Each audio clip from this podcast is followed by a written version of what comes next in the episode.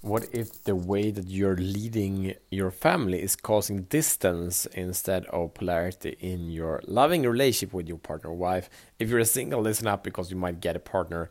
This will be very, very valuable for you. This is a story sharing from a coaching session I had with a beautiful man just some hours ago. So, first, welcome to Show the Fuck Up podcast. My name is Matt Fyron, and this show is for men that are ready to free themselves from the prison of playing small and unleash their personal greatness. Live a life beyond compromise of purpose, passion, power, and profit. Let's go. And uh, oh my god, this is exhilarating. Exhilarating. Uh, I had this, this conversation with this beautiful man, and he shared his uh, his journey and and and part what what he really shared was a longing for accountability, a longing to shut the fuck up to the things that he want to create in his life, and really uh, get things moving, not only the things that have to be done, but also the thing that he desires to create. And I bet you could probably relate to that, right? To be able to choose and design your life as you want it. Uh, so I will share with you a powerful and beautiful tool to be able to step into this. Oh yes, oh yes. So the conversation then, uh, and I I experienced this also myself very much. That, that we want more, uh, we want to achieve things, we want to create things, we want to build beautiful things, we want more. True? And in that, what do we need? Okay, we need a, goal, we need a plan, and we need support because we're not, uh, we can't take care of it all by ourselves. So we need support. And the support that closest by hand that is freaking free, we believe, is our partners and our wives. So what we tell them is like, hey, this is what we're gonna do. Here's the thing. Here's the plan. Can we talk? Can I? Can you support me? Can you be my accountability buddy? Or something like that. Might not be outspoken, it might be outspoken. And this does not work. The reason that this doesn't work is because then she one she becomes your body, she becomes your accountability body. Just listening to that, and then she supports you. accountability is, is, is, a masculine trait. It's it's uh, built on brotherhood. It's built on uh, achieving a certain specific outcome. Those are not the that's not the language of the feminine. So at the moment you, you turn her into a man uh, or to uh, masculine uh, polarity. And if she's the masculine polarity, for you to be connected and have an attractive, dynamic, exciting sex life, you need to be feminine. So ask her to be your your accountability buddy if you're the feminine and she's the masculine. And there's nothing wrong to play that game ever, but do you want your relationship to be based on that, or are you in essence a masculine man and she's a feminine woman? Most are, not everyone. So anything is okay but set it with intention and know, be aware of the costs. And um, then what happens is that you will show up, you will produce results or not. Most guys don't produce the results they set out to. In the beginning, it takes some time, it takes some failures, it takes some struggles to create the results you want, right? Like anything that is created of, of, of, of significance took way longer time than one thought and took much more effort. That's a rule of Grant Cardone, right? And I'm sure many other philosophers. so then she will have to put up with your failure, and failure is lack of leadership, and lack of leadership is not sexy again.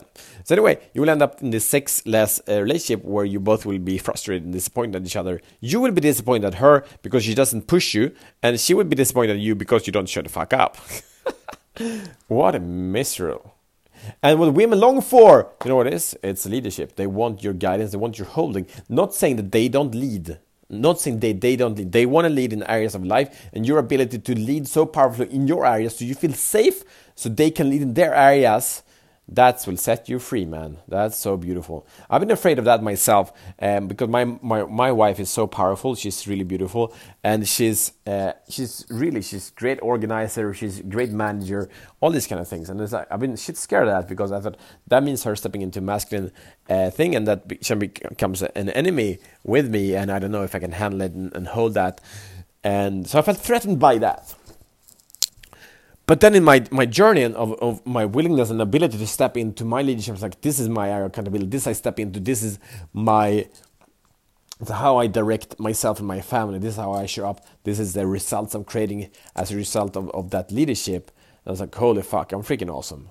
And then I can allow her to be awesome. And now we can really be in partnership.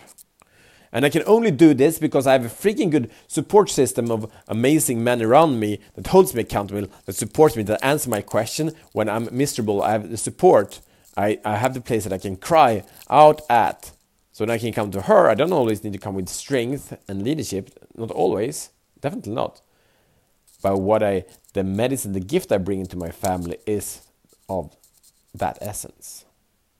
And she's great helping me out. She's great giving me support.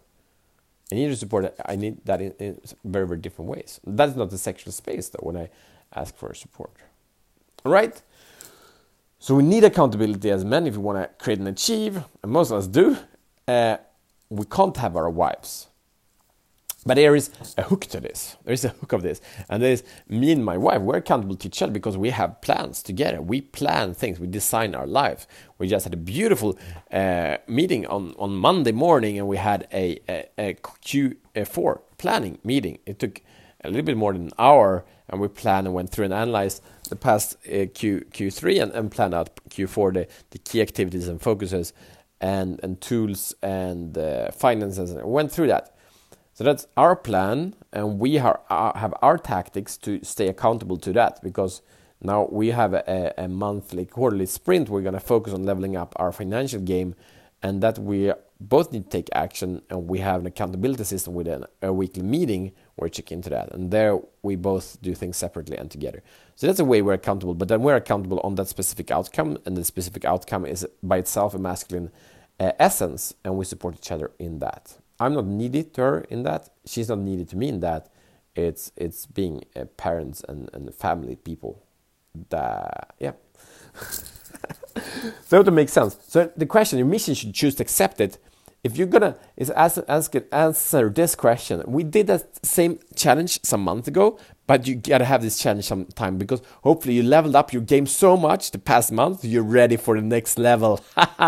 so your mission should choose to accept it is what support, what accountability do you need to become and show the fuck up as the man that you want to live up to the results that you decide to create? What do you need to show the fuck up to that? And now, something to build it. If you want support, uh, you can send me an email at ishowtfup.com and you can tell me support and we can have a chat if I'm the one or anyone in my community is the right man or group that can hold you accountable to live the life beyond compromise and just be epic. All right? That's it. Thank you. I see you tomorrow as better men.